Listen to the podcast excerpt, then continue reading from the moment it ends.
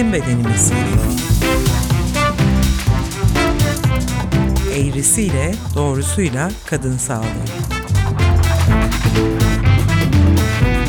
Irmak Saraç ve Deniz Koloğlu hazırlıyor ve sunuyor.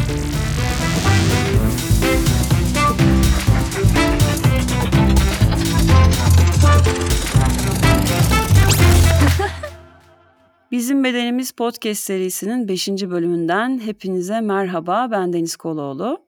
Ben Irmak Saraç. Ve bugün bizim ilk defa bu podcast serisinde bir konuğumuz var.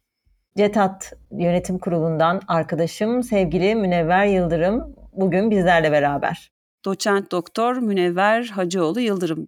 Biz de bu program vesilesiyle tanıştık. Şimdiden çok mutluyum ben tanıştığımıza. Evet, merhaba. Ben de burada olduğum için çok mutluyum. Davetiniz için teşekkürler. Bağlam e, konusunda şöyle özetleyelim. Kadına yönelik toplumsal cinsiyet temelli şiddet şeklinde bir konumuz var, cümlemiz var. Bu bağlamda kendinizden bahsetmek ister misiniz? Hani programı size niye çağırdık ve kendinizi nasıl ifade etmek istersiniz, nasıl tanıtmak istersiniz? Şöyle söylemek herhalde uygun olur. Ben Bakırköy'de çalışıyorum. Bakırköy Ruh Sinir'de. Ve Bakırköy Ruh Sinir'de psikoterapi bölümündeyim. Dolayısıyla desteğe ihtiyacı olan çok fazla travma nedeniyle başvuran kadınla karşılaşıyorum anlamına geliyor. Süpervizörüm aynı zamanda orada. Yani sadece ben karşılaşmıyorum. Karşılaşan e, meslektaşlarımla da karşılaşıyorum. O nedenle çok öyküye tanık oluyorum çok uzun zamandan beri. Ve travma da benim çalışma alanım, özellikle de cinsel travmalar çalışma alanım. Bu nedenle Cinsel Eğitim Araştırma Tedavi Derneği'nde CETAT'ta Irmak'ın da söylediği bizim tanışmamıza vesile olan derneğimiz. Orada da cinsel travmalarla ilgili hem bir çalışma birimi oluşturduk hem de eğitimler düzenliyoruz belirli periyotlarla. Oralarda da aktif olarak rol alıyorum. O nedenle bugün buraya davetli olduğumu düşünüyorum. Yani bu, bu alanda çalışmak tabii çok zor, çok sıkıntılı, çok kötü öykülere tanık olmayı getiriyor. Ama bunu burada konuşabiliyor olmak da bir yandan çok güzel. Tekrar hoş geldiniz. Ben naçizane bir şey eklemek istiyorum programın başında daha içerlere doğru girmeden konunun damarlarına akmadan.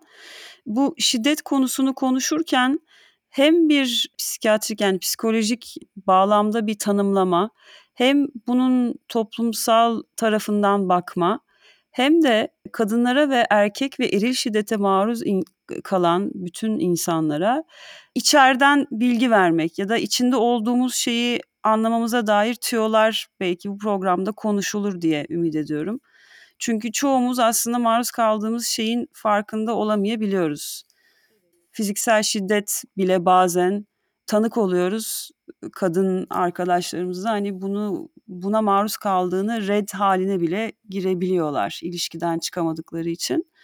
Ee, umarım kapı açılır, kafalar açılır, bilgiler dolar içeri. Kolay umarım, değil tabii ki. Umarım. Evet. Evet Irmak, nasıl başlamak istersin? Bence şeyden başlayabiliriz aslında. Nasıl tanımlıyoruz şiddeti diyebiliriz. Değil mi? Öyle başlasak fena olmaz. Evet, şiddet nedir diyerek başlayabiliriz. Ee, cevabı zor bir soru. Çünkü tek bir şekli yok, tek bir e, yaşanma biçimi yok. Herhangi bir alandaki herhalde gücü olan kişinin bunu uygunsuz biçimde kullanma biçimi desek yanlış olmaz herhalde şiddet nedir? En önemli Tio herhalde bunun bir davranış biçimi olduğunun altını çizmek olsa gerek. Ne dersiniz? Yani davranış biçimi ama sözel olarak da mümkün. İlla davranışta görülmeye de bilir ya da böyle örtük bir takım şeyler olabilir. Varlığı görmeme gibi mesela. Ama biraz asimetriden de bahsetmek gerekebilir herhalde değil mi? Yani birinin daha güçlü bir konumda olması gerekiyor mu acaba? Daha güçlü konumda olması gerekiyor mu derken Irmak? Yani asimetrik bir ilişki demek istiyorum. Güçlü derken fiziksel güçten kastetmiyorum ama biri daha otorite figürü, biri daha ona göre daha aşağıda kendini konumlandırmış olmasından bahsetmek istedim. Evet evet yani birinin işte daha iyi olduğu durumu bir başkası için olumsuz kullanması gibi denebilir. Asimetriden bahsetmek. Belki fiziksel güç değil ama kendini bir alanda daha güçlü hissediyor olması bile bazen şiddetin ortaya çıkmasına neden olabilir. Ekonomik olabilir, duygusal olabilir. Onu ilerleyen vakitlerde konuşacağız. Ben de notlar aldım. Şimdi sizi e, nasıl diyeyim sorguya çekiyor gibi oluyoruz. Çünkü sahanın içindesiniz. Tekrar literatürü tanımlamaya çalışmak e, sıkıcı da olabilir dinleyicilerimiz için. E, isterseniz hani şiddetin tanımlaması herkes ulaşabileceği bir şekilde internette mevcut. Biz istediğimiz tarafından bakalım ve kadına yönelik toplumsal cinsiyet temelli şiddet niye diyoruz? Niye erkek şiddeti diyoruz? Bunları konuşarak belki ilerleyebiliriz. Ne dersiniz? Evet tabii güzel olur. Ben aslında bu soruların yanıtlarını sizlerin de çok güzel ifade edeceğinizi bildiğim için hani bu soruları ben mi cevaplamalıyım, sizler bir şeyler söyler misiniz diye de azıcık e, duruyorum. Çünkü belki Irmak'ın ya da sizlerin tanımlamaları üstüne ben de bir şeyler söylesem daha mı anlaşılır olur? O zaman ben şöyle gireyim. Hem de böyle açılış biraz da giriş gibi de olur.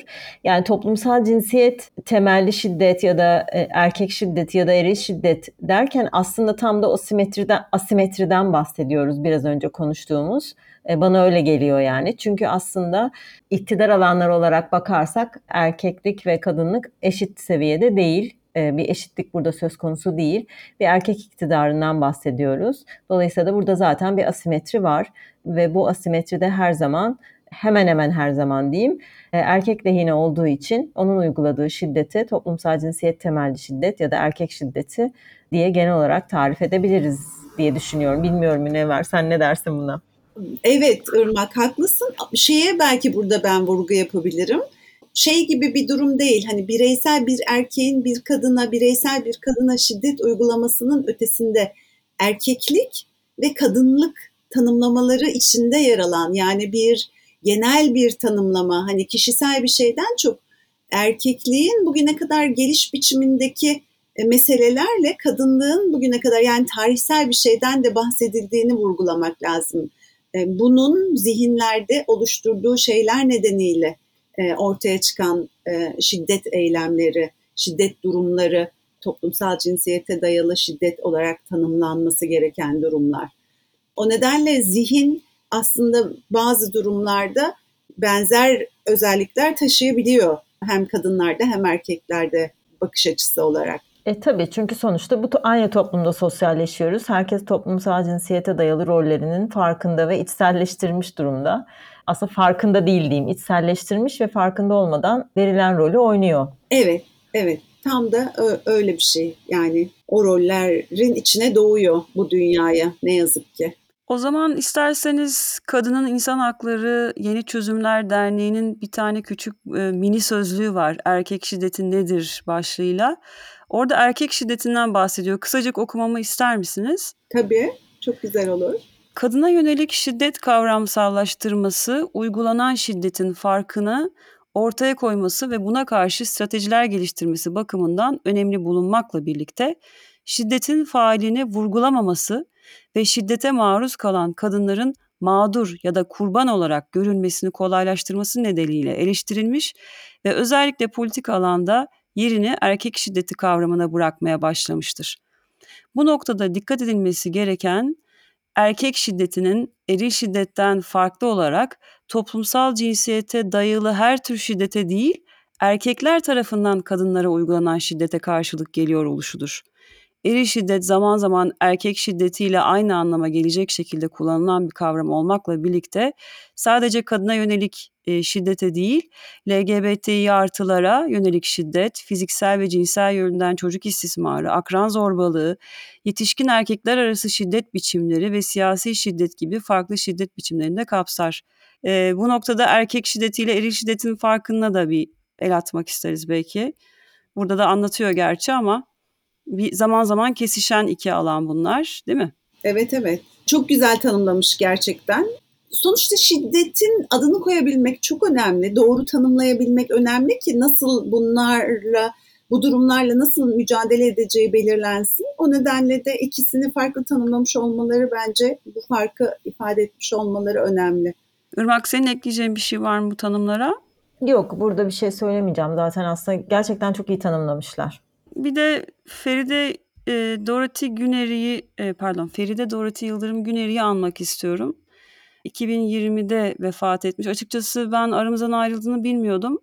Kendisi Mor Çatı'nın kurulduğundan beri gönüllü psikologlarından biri. Ayrıca klinik olarak da terapi vermekteymiş. Çok çok güzel açıklayıcı e, videoları var. Dinlemek isteyenler olursa e, tavsiye ederim. Mor Çatı adı altında YouTube'dan ulaşabilirler. Onun çok güzel bir tarifi var. Oradan şeye girmek istiyorum müsaadenizle. Kadınlar ilişkinin değil şiddetin bitmesini istiyorlar e, demiş Feride Güner'i. Yakınımdaki örneklerden de ben tabii ki benim şahitliğim asla bir istatistiki veriye kaynak olamaz ama bu cümleyi besliyor açıkçası. Bir diğer konuda şiddetin bir hastalık olmadığını, bir davranış biçimi olduğunu ve sizin biraz önce bahsettiğiniz Münevver Hanım şiddetin öğrenilen ve öğretilen bir şey olduğunu ve işte burada toplumsal cinsiyet rolleri devreye giriyor herhalde. Ben şeyi soracağım. Siz şimdi bol bol maalesef bol bol kötü tınladı. Çok oranda kötü hikaye denk geldiğinizi söylediniz.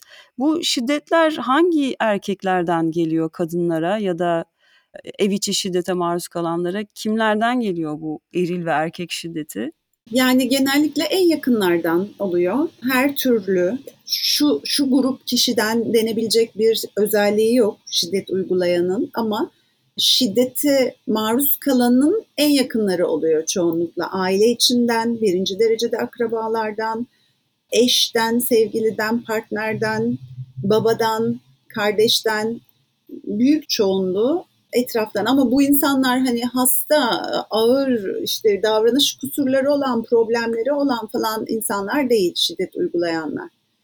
Sadece bu şiddeti uygulayabilecek gücü kendinde hissedenler diye tanımlanabilir belki. Belki şeyin altın çizmekte fayda var. Yani her tür sosyo kültürel seviyeden insan bir erkek bu şiddeti uygulayabilir. Ne kadar eğitimli olduğu, kültürlü olduğu, e, maddi koşullarının ne olduğundan tamamen bağımsız aslında. Aynen öyle. Yani bir tanımlama yapılamaz. Sosyoekonomik olarak şu durumda, eğitim bu durumda öyle bir tanımı yok görünüyor. Tersinden bakarsak Türkiye'ye dair bir genel tablo çizebilmek adına kültürel ve sosyoekonomik faktörlerin bu şiddet tipi üzerine etkilerini nasıl? Yani bunlara dair nasıl örnekler verebiliriz? Mesela gelişmemişlik bir ülkede herhalde eğitime etkiliyor olacaktır değil mi? Ben e, size vermeden konuşuyorum ama bunlardan biraz örnekler verebilir miyiz? Hem tanıklıklarınızdan hem de e, bilginiz dahilinde olanlardan. Yani bir takım şeyler tabii yaşanış biçimini belki değiştiriyor olabilir. Şiddetin ifade ediliş biçimini, yaşanma biçimini, işte eğitim düzeyi daha düşük olduğunda belki fiziksel şiddet veya şiddetin sözel olarak ifadesindeki netlik çok daha görünür durumdayken eğitimli olunduğunda bu e, şiddetin e, biçimi biraz daha komplike hale gelebilir belki. Fiziksel şiddet yine olabilir ama hani dışarıdan nasıl görüneceği de belki dert edilerek daha bir takım hesaplar yapılarak şiddetlerle karşılaşmak olası olabilir söyleyebileceğim. Daha e, şiddetin ortadan kalkması için ya da şiddetin azlığı çokluğu ile ilgili yorum yapmak için bir kriter değil ama belki şiddetin yaşanma biçimiyle ilgili bir takım ufak tefek değişikliklere neden olabilir bu farklılıklar. Benim en azından gözlemlediğim kadarıyla öyle görünüyor. Yani her her koşulda var ama şekli biraz daha farklı olabilir. Sonuçta e, gelişmişlik düzeyi daha yüksek olan ülkelerde de şiddet var mı? Var. Maalesef var yani bu değişmiyor. E, yani İsveç'te de atıyorum bu şiddet görülüyor. Farklı şekillerde belki kadınlar daha farkında olup daha kolay başvuruyor. Belki de başvuramıyor çünkü orada da bireysellik çok daha fazla. Belki türü daha farklı oluyor. Fiziksel şiddet daha az oluyor. Ne bileyim ekonomik şiddet ya da sözel şiddet daha fazla oluyor. Ama sonuçta şiddet oluyor maalesef. Evet, belki kadınlar orada daha çok fark ediyorlar. Bunun şiddet olduğunu daha kolay söyleyebiliyorlar. Ama şiddeti engellemiyor bu durum ne yazık ki. Ama herhalde devlet politikaları epey belirleyici bir faktör olsa gerek bunların tepesinde. Toplumsal cinsiyet eşitliği yönünde kaydedilen her gelişme tabii ki şiddet açısından olumlu olarak yansıyacaktır. Çünkü sonuçta bir asimetrik durumu ortadan kaldıracak her şey tabii ki fayda gösterecektir ama şu anda dünyada toplumsal cinsiyet eşitliğinden bahsedemediğimiz için dolayısıyla şiddet devam ediyor ama toplumsal cinsiyet eşitliğine yönelik kaydedilecek, atılacak her adım şiddeti geriletecektir. Yani geriletmek için bir adımdır diyeyim. E, bu çerçeveden çıkmadan önce ikinize de soruyorum. Türk toplumundaki, Türkiye toplumundaki algılanışına dair ne söyleyebiliriz sizce? Kadına yönelik toplumsal cinsiyet temelli şiddetin en basitinden bu şekilde telaffuz edilmiyor herhalde. Biz çünkü e, kadına yönelik şiddet demek yerine kadına yönelik toplumsal cinsiyet temelli şiddet demek istiyoruz. E, ne düşünüyorsunuz bu algılayışla ilgili toplum genelinde? Ben gördüklerimden yola çıkarak söyleyecek olursam bazı şiddet biçimlerinin sanki olması beklenirmiş gibi algılanıyor. Yani adını koymak yerine evet bu zaten normal bir durum gibi tanımlanma eğilimi olabiliyor ne yazık ki.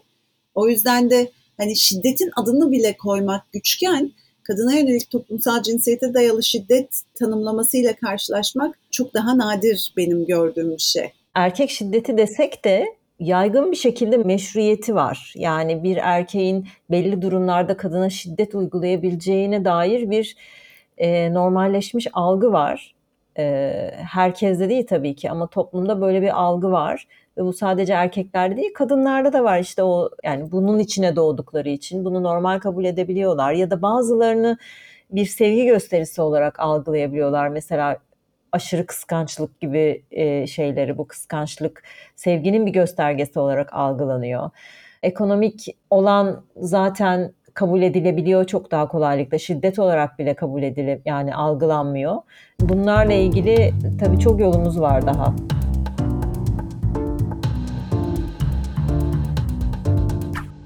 İsterseniz araya birkaç istatistiki veri yerleştirelim. Ne dersiniz? Kafalarda Türkiye'deki, tabii ki Türkiye'yi ele alacağız biz hal böyleyken.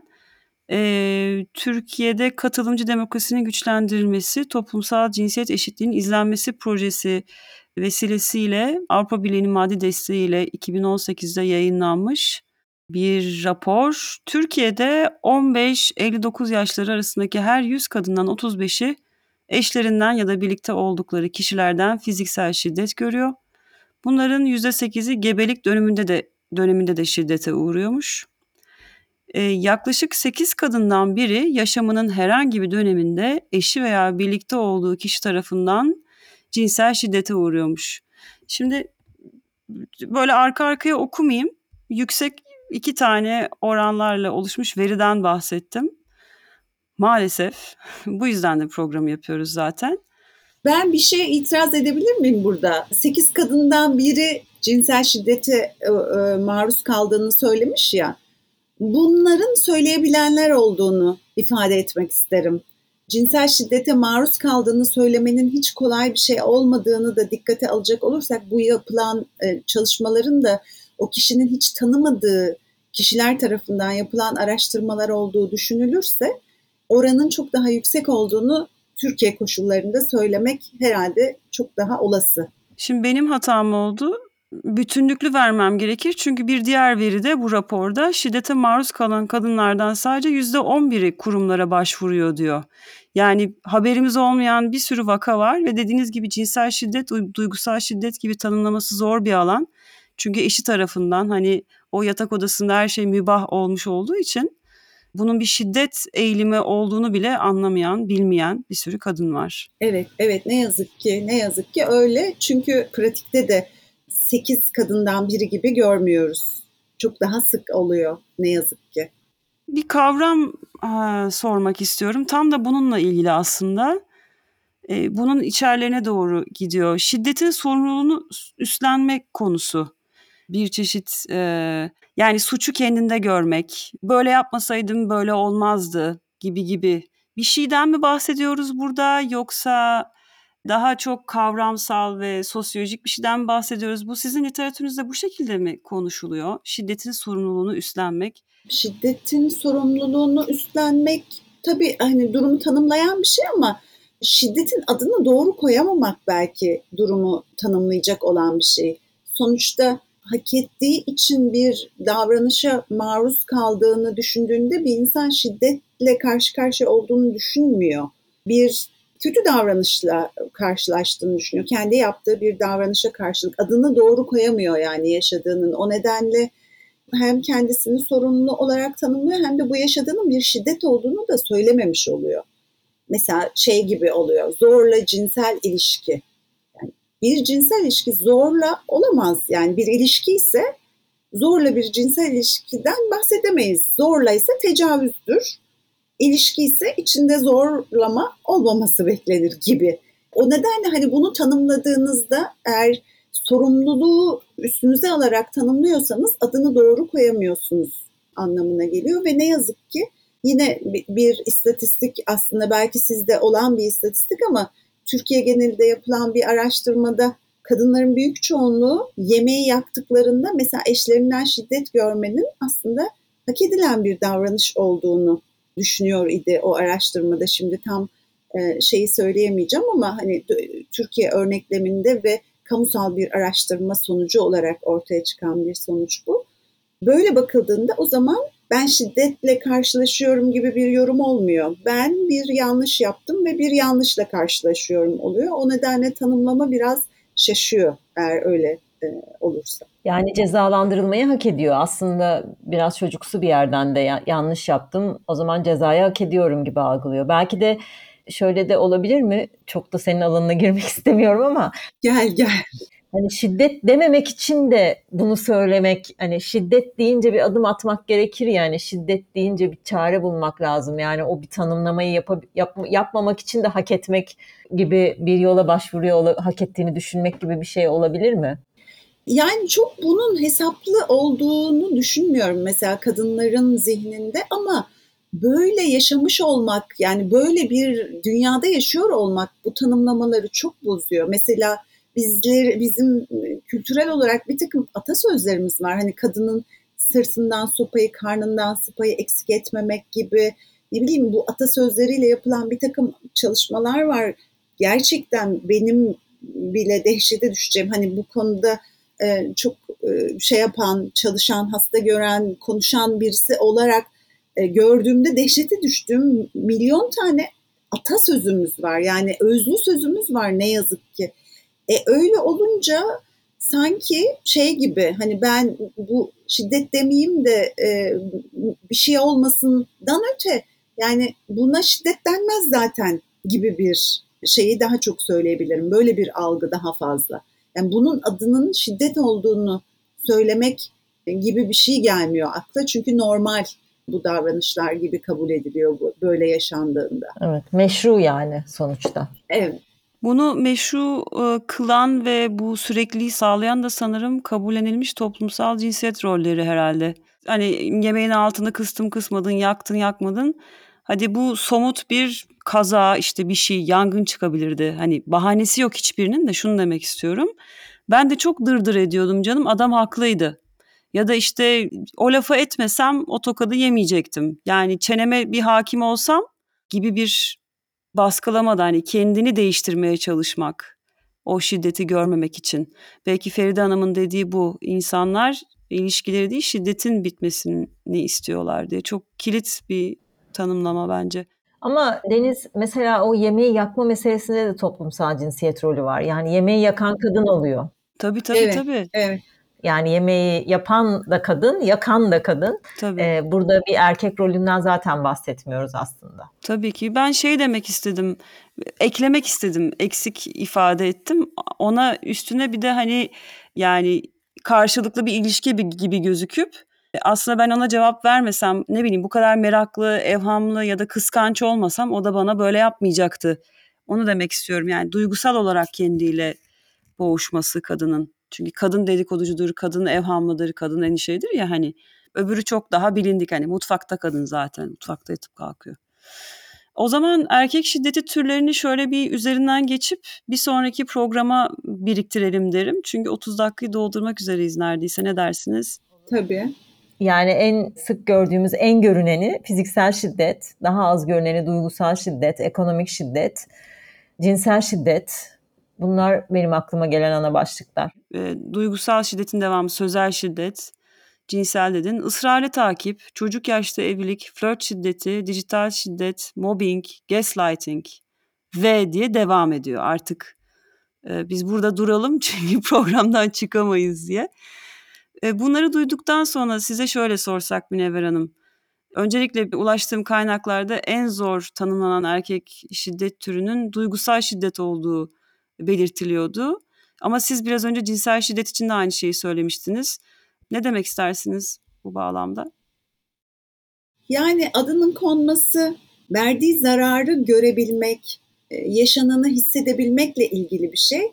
Fiziksel şiddet çok daha net görünür olduğu için adını koymak biraz daha kolay. E, duygusal şiddetin nerede başlayıp nerede bittiği kısmı çok fark edilebilir olmayabiliyor. İşte yaşanan koşullar gereği, toplumsal e, yaşantının şartları gereği kabul edilen, normal denilen bir takım şiddet biçimlerini duygusal anlamda tanımlamanın çok daha güç olması nedeniyle evet duygusal şiddet e, belki e, ifade edilenin çok daha üstünde yaşanıyordur, yaşanıyor olmalı, yaşanıyor e, pratikte de gördüğümüz. Ama diğer şiddet türleri de daha az değil ki sözel şiddet de hiç az değil ama bu sözel şiddetin gerçekten neyin sözel şiddet olduğunu tanımladıktan sonra gerçek oranları söylemek mümkün olabilir. Ekonomik şiddet de öyle. Örneğin ekonomik olarak bir kadının tehdit edilmesi bir ekonomik şiddet ama kadın yani tehdit edilmesi derken mesela işte bu hafta sen hak etmedin para vermeyeceğim demesi bir erkeğin işte e, evdeki harcamalar için kadına bir ekonomik şiddet olarak değerlendirilmeyebiliyor gibi eğer evin geçimini erkek sağlıyorsa ve ekonomik anlamda böyle bir durum e, söz konusuysa. O nedenle sıklıkla ilgili yorum yapmak biraz güç. Çünkü hiçbiri diğerinden daha azmış gibi görünmüyor. Ama bazıları çok daha kolay tanımlanabiliyor. O yüzden daha sıklığıyla ilgili yorum yapmak daha kolay ama bazılarını tanımlamak çok zor. O nedenle de sıklığını söylemek de zor. E, peki cinsel ilişki bağlamında baktığımızda hani şiddeti anlamak üzere gerçek bir rıza nasıl tanımlanır onu sorsak size. Onun üzerinden de ne ne zaman şiddete dönüşüyor, ilişki ne zaman ilişki olmayı yitiriyor, ilişki olmaktan çıkıyor. Yo anlamak için gerçek bir rıza nasıl tanımlanır sizce? Ben rıza kavramı konusunda bu çay metaforunu çok şey buluyorum, çok anlamlı buluyorum. O nedenle çay metaforuyla anlatmayı seviyorum. Bir insan birine çay ikram edebilir birini çay içmek üzere davet edebilir. Oradan daha başlamak lazım yani. Geleceksin ve çay içeceksin diye bir insan bir insanı zorlayamaz. Çay içmek için davet edebilir. Ben çay yapmak istiyorum, ister misin çay içmek? Ya da ben seninle birlikte çay içmek istiyorum. Nasılsa uygun söyleme biçimi. Ondan sonra nasıl çay içeceğini sorabilir. Ya da ben böyle hazırlıyorum, ne dersin diyebilir. Ve bir çay hazırlar ve ikram eder bu çay ikram edildiğinde mesela çay içmek için gelen kişi sevdiği birisi olabilir, arkadaşı olabilir ya da hiç tanımadığı birisi de olabilir. Diyebilir ki ben çay içmek istedim senin de teklif çok hoşuma gitti ama e, şimdi fark ettim ki çay içmek istemiyorum. Vazgeçebilir mesela. Hayır sen bir kere istedin bir daha bu çayı içmek zorundasın demez çay içmek için e, bir araya gelen kişiler. Tıpkı cinsellikte e, olması gerektiği gibi. Ya da mesela çay yaptığında kişi karşıdakine sorar demli mi içersin açık mı? Şekerli mi istersin şekersiz mi? hayır sen şekerli içmek zorundasın ya da şu kadar demde içmek zorundasın gibi bir zorlama olmaz. Karşıdakinin yani çayı birlikte içmek istediği kişinin çayı nasıl içeceğini de önemser ve onun fikriyle hareket eder. Aslında cinsellikle ilgili de öyle olmalı. Ve nasıl ki bir insan sen iç, çay içeceğim dedin, bunu ağzına döküyorum, içmek zorundasın gibi bir şeyle çay ikram etmezse cinsellik için de aynı şey geçerli. cinsellik başlayabilir ve kişi bundan sonra da vazgeçebilir. Vazgeçmesi çay içmek gibidir. Bir yudum içer, bırakabilir bardağı. Artık içmek istemiyorum ya da fikir çok güzeldi ama tadına baktım, beğenmedim. Aslında düşündüğüm kadar güzel olmamış. Aslında çay içmek istemiştim ama şimdi fark ediyorum ki ben kahve içmek istiyorum diyebilir bir insan çay içmek konusunda. Cinsellikle ilgili de meseleler aslında bununla paralel bana kalırsa. Tıpkı çaydaki gibi kabul ve reddetme koşulları olmalı. Daha öte bir zorlama cinsellikle ilgili rızanın olmayacağı anlamına gelir diyebilirim kabaca. Benim aklıma şu geldi. Şimdi Türkiye'de yaşayan bir kadın olarak çay metaforu evet kağıt üzerinde çok anlaşılır. Fakat biz o misafirliğe gittiğimizde o çayı içmezsek çok ayıp olur. Bazen cinsellikte bile karşılığı olan bir davranış biçimi oluyor. Bu noktada nasıl diyeceksiniz? Şimdi karşı tarafın zorlamasını tarif ettik. Bir de bizim içselleştirdiğimiz bir ama, ama ayıp olur. Yani şimdi ben evet dedim artık şimdi bu noktadan sonra durursam nasıl karşılanır? Ya da aslında evet demiştim. Hani burada sanırım e, yetiştirilme şekillerimiz ve örf adetlerimiz bayağı devreye giriyor diye düşündüm. Tabii tabii yani çok kolay e, bir şey değil. İşte bunu, bunun olabilmesi için de aslında hem kişinin kendisini tanıyor olmasına ihtiyaç var hem de yaşananın ne olduğunun adının konmasına ihtiyaç var ve bunun nasıl yaşanması uygundur konusunda biraz düşünmeye ihtiyaç var. Niye ayıp olsun ki bir insanla çay içmek istediniz ama sonra çay baktınız çok şey gelmiyor, tadı hoşunuza gitmiyor. Hani teknik olarak bakıldığında eğer mesela karşınızdaki insan tamam ayıp olabilir diye düşünebilirsiniz ama o mu kırılacak? Hani karşıdaki kırılır mı? Ya da ben istemediğim halde bu davranışı yapmalı mıyım? Yani orası kırılmazsa da ben kırılacağım. Bir taraftan da onun dengesini kurabilmek önemli. İdeal olan sizin tarifiniz zaten. Ben sadece e, bizim trajik halimize dair bir şey karşılaştırma yapasım geldi. Evet, evet ne yazık ki bu böyle. Ama hani işte kendi durumunu da değerlendirebilirse insan o zaman hayır da diyebiliyor olmalı. Ben bu çay metaforunu çok sevdim. ben de sevdim ve sinirim bozuldu bir an o zorla içirilen üst üste çaylar falan aklıma geldi. İçmeyeceğim artık yeter. İç iç kızım iç. İçmeyin. İçmeyeceğiz tabii. Yok ben becerebiliyorum açıkçası ama buna maruz kalıyoruz ve hızlıca kendi cinsel geçmiş tecrübelerime baktığımda bir genç kızken bu bahsettiğiniz yani kendini tanımamak, kendi öz irademin neyi isteyip istemediğine müsaade etmeden karşı tarafa odaklanmak bunlar da hep toplumsal cinsiyet rolleri bir genç kızken de yani sahiplenilmiş şeyler. O biraz üzücü. Umarım genç kızlarımız köşeye hızlı döner oraya hiç uğramadan.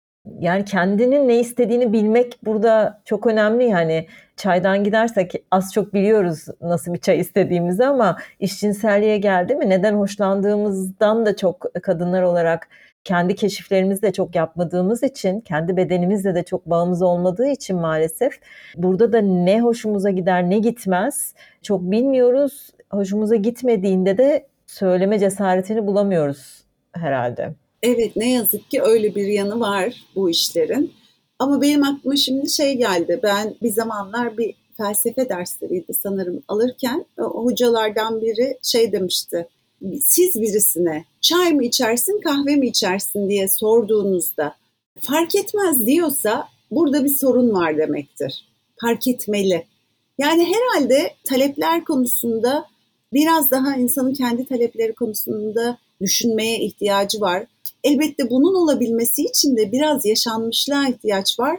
Ama ülke koşullarında ne kadar buna imkan var tabii orası biraz karışık. Şimdi bu bölümü sonlandıralım isterseniz. Doçent Doktor Münevver Hacıoğlu Yıldırım'la şiddet üzerine konuşuyoruz. Kadına yönelik toplumsal cinsiyet temelli şiddet yani bağlamında şiddeti tartışıyoruz.